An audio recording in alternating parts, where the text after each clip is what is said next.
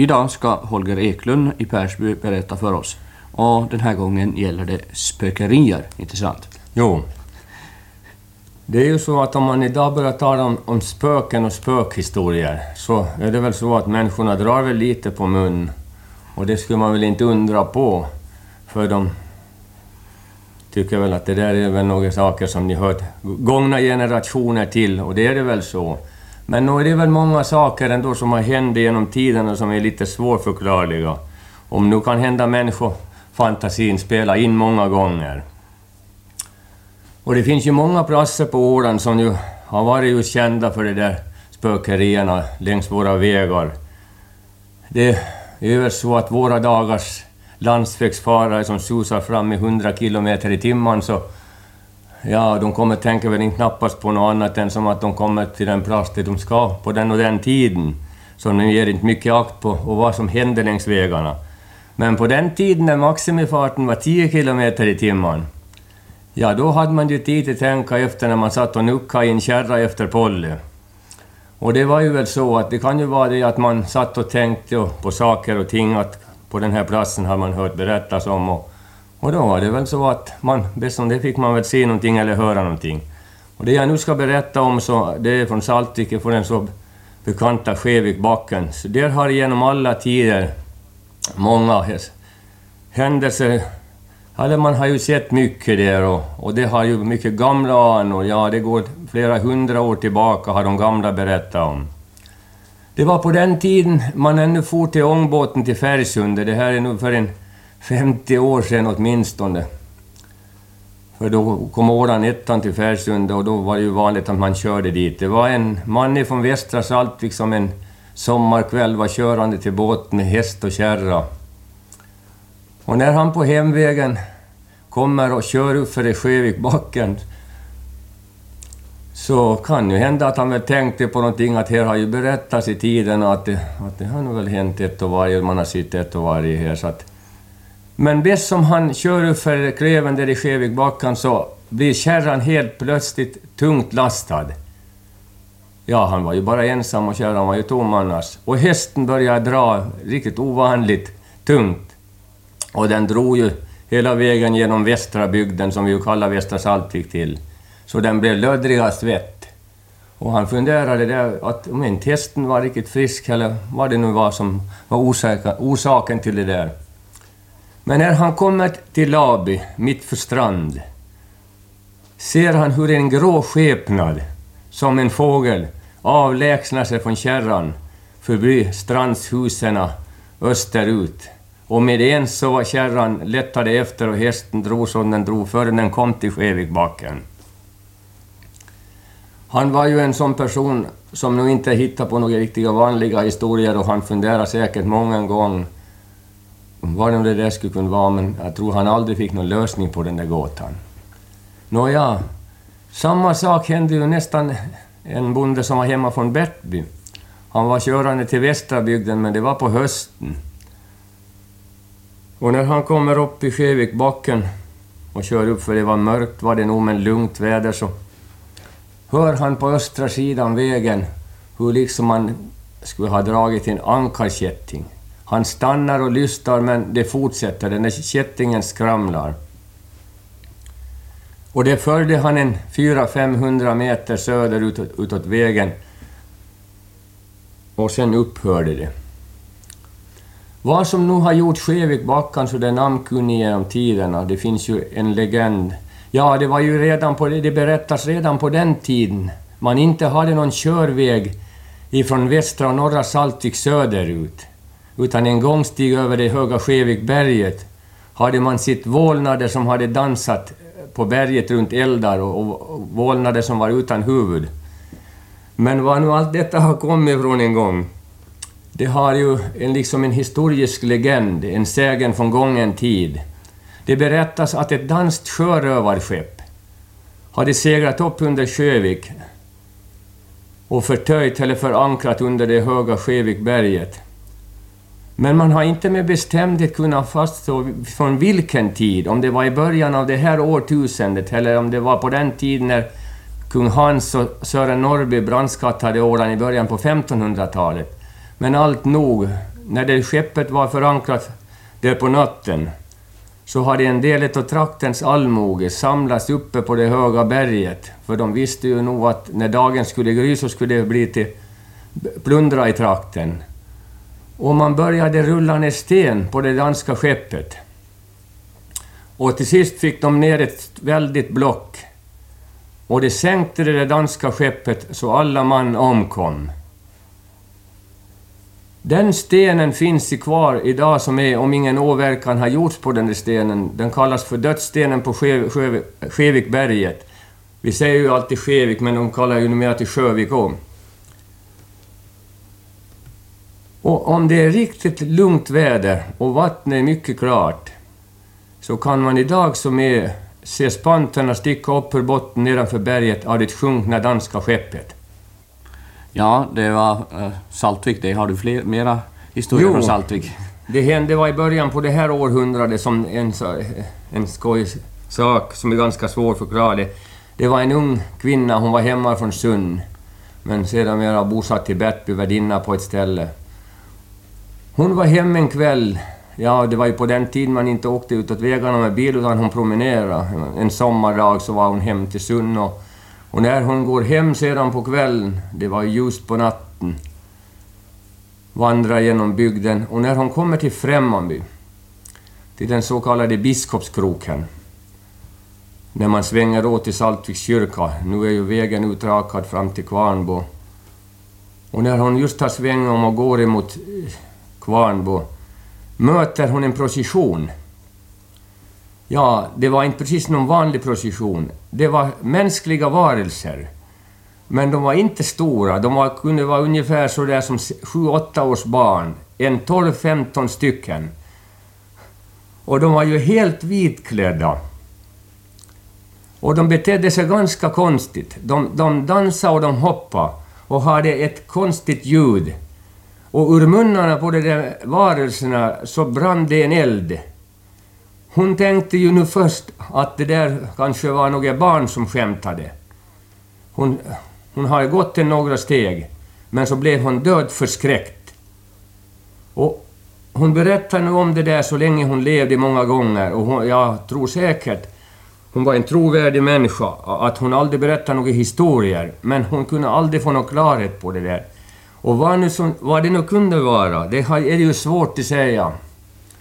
Men den där biskopskroken har ju fått namnet av det, att genom i tiderna en gång en biskop hade förolyckats där, men det känner jag inte till om det var genom att en, någon häst som skenade, jag skulle tro nästan det, och han göt döden där. Och kanske det var något där i samband med liksom en sentida procession som då, till minne av det där på den där platsen. Men jag har aldrig hört ändå berättas något att nog flera har sett, men det hon såg var nog något egendomligt.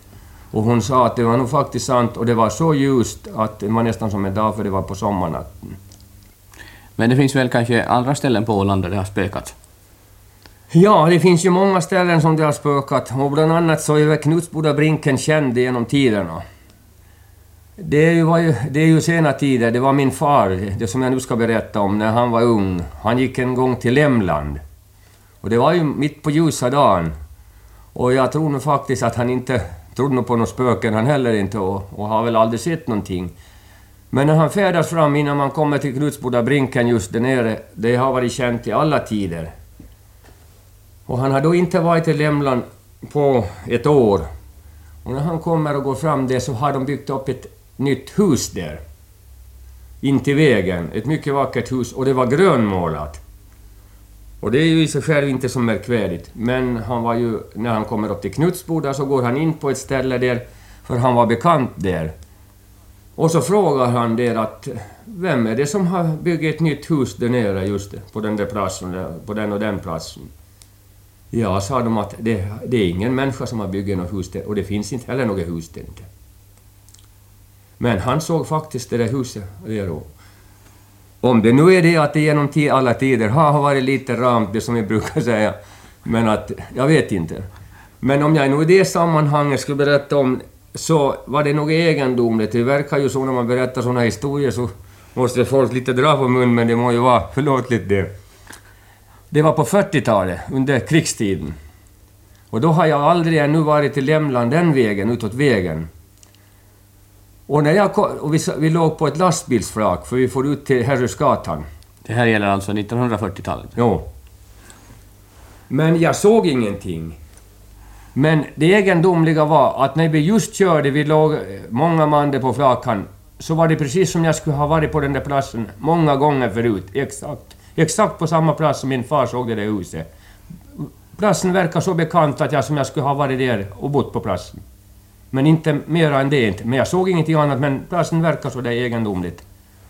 Ja. Och vad det nu var sen, så det vet jag inte. Eh, har du flera ställen på Åland där... Ja, det har ju varit de platser där man ju brukar att det spänner ur och det där. En plats som var mycket känd så var ju vid Byttabergarna i Hararsby. Det är väl inte något ovanligt att om en skakel spänner ur, men att båda spänner ur. Ja, det är mycket ovanligt. Och det hände många gånger, berättas det, att det spände ur båda skaklarna just vid Byttabergarna. Det är på vägen när man far till Kvarnborg från Harasby. Men det var ju svårt att förklara vad det var. Men gick man av kärran, de var ju då uppspänd, och gick framför hästen och tittade emellan öronen baköver, då fick man se vem det var som var orsaken till att det har spänt ur. Ja, det har funnits många straffningsmetoder genom tiderna. Men en av de ruskigaste är väl nog den tiden när man avrättade människor. Och det har ju förekommit på Åland. Och det jag nu ska berätta om, det var den sista som var på Åland, det var en kvinna.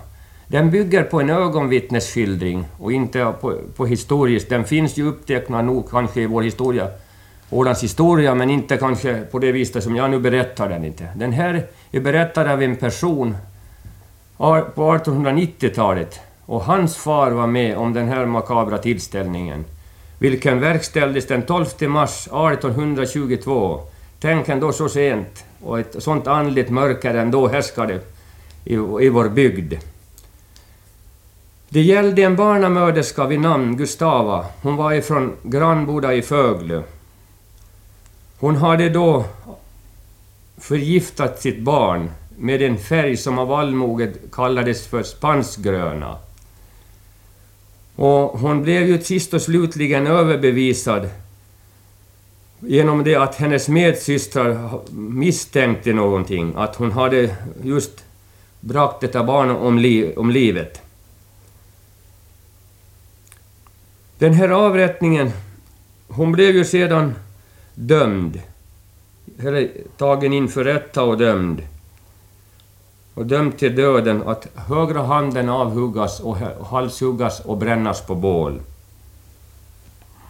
Och den här avrättningen den försiggick på Gumsasholmen i Grannboda bys vatten. Ligger ungefär en tre kilometer söder om Degerby, vid Sandösund.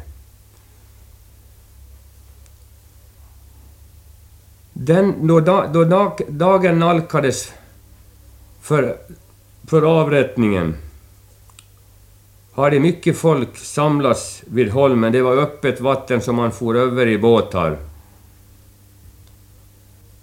Från Grannboda by fördes den livdömda under vederbörlig kronobevakning sjöledes till avrättsplatsen. Fögde moderkyrkas kyrkas kökar och Sottunga kapells präster var till städes för att åtfölja den dömda till döden. Anlända till Gumseholmen, strand, vares en större människomassa var samlad, uppsteg den livdömda ur båten jämte följeslagarna ifrån far...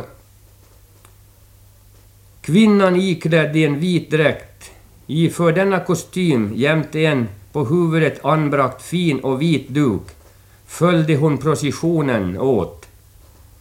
Prästerna gingo i spetsen och därefter följde den livdömdas och bakom henne gick bevakningspersonalen.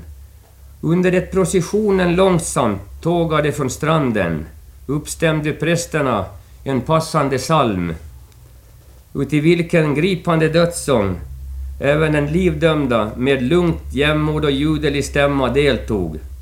Hon hade ju ett bra humör. När den olyckliga kvinnan, barnamörderskan, anlänt till båten befalldes hon att lägga sig ned på stupstocken. Varefter skarprättaren, eller böden, en rätt så ung man, han var hemma ifrån Sverige, från Stockholm, omedelbart till bålet framträdde med bödelyxan som han hade gömd under sin rock. Så snart delikventen, eller den olyckliga kvinnan, placerats enligt given föreskrift avhögg bödeln med ett raskt hugg högra handen, varvid kvinnan av smärta utropade ”Aj, Jesus, skynda er!” Omedelbart sänkte han för andra gången och riktade nu emot stället på halsen. Hugget skulle träffa. Men snabb som blixten kastar vinden, vindfläkt, en snibb av duken. Just över den plats på halsen där var yxan skulle träffa. Följden härav blev att bilen icke gjorde åsyftad verkan. Huvudet föll, blev fäst vid kroppen, trots det kraftiga hugget. Böden sänkte nu sin bila för tredje gången och huvudet avskildes från, fullständigt från kroppen. På marken, medan blodet framrusade i en väldig ström. En gubbe från Kökar, som led av fallande sot, trängde sig ögonblickligen fram till stupstocken, därtill uppmanad av vidskepliga rådgivare, det fanns ju på den tiden kvacksalvare, med en tekopp i handen fyllande den samma med den avrättades blod, som flöt in vid stupstocken. För enligt gubben och hans skrockfulla rådgivares mening skulle sjukdomen försvinna om han blott kunde inmundiga ett visst kvantum av en avrättad människas blod. Gubbens hopp blev, därav, kort, blev därav av en kort varaktighet. En dåvarande kronofogden på Åland, Krusell, som även var där till städes, hastigt framträdde och med sin käpp plötsligt slog koppen med dess läkande innehåll ur gubbens hand och därvid såväl kopp som innehåll helt och hållet förstördes. Småningom skingrades folkmassan medan ett sprakande bål till stoft och aska förvandlade den livdömdas kvarlevor. Den sålunda beskrivna avrättningen gav sedermera upphov till åtskilliga vidskepliga fördomar bland allmogeklassen det ena ryktet utspreds efter det andra angående spöken och underliga syner och figurer invid och på själva holmen. Och det fortgick ju långa tider bortåt, men sedermera har det så småningom dött ut. Det har ju, det har ju visat sig det att Sjöglo har vid ett tillfälle till haft en plats där man hade avrättat folk. Men det hände något lite tidigare. Det hände... Det var natten mellan den 21 och 22 maj rymde tre fångar. Det hade, jag skulle väl säga årtalet 1748. Rymde tre fångar från Kastenholm. Det var Henrik Falk från Lumpaland, Christian Benner och Per Algot Holm från Sund, som sedan på pingstdagen dödade fyra personer på Bärnö i Föglö, men rymde därifrån sedan till Stockholm, men blev fasttagna på en ölkällare och återförda till Åland och dömda till döden. De steglades den 17 augusti samma år för sin hemska gärning på Vikskärsholme i Bärnö skärgård.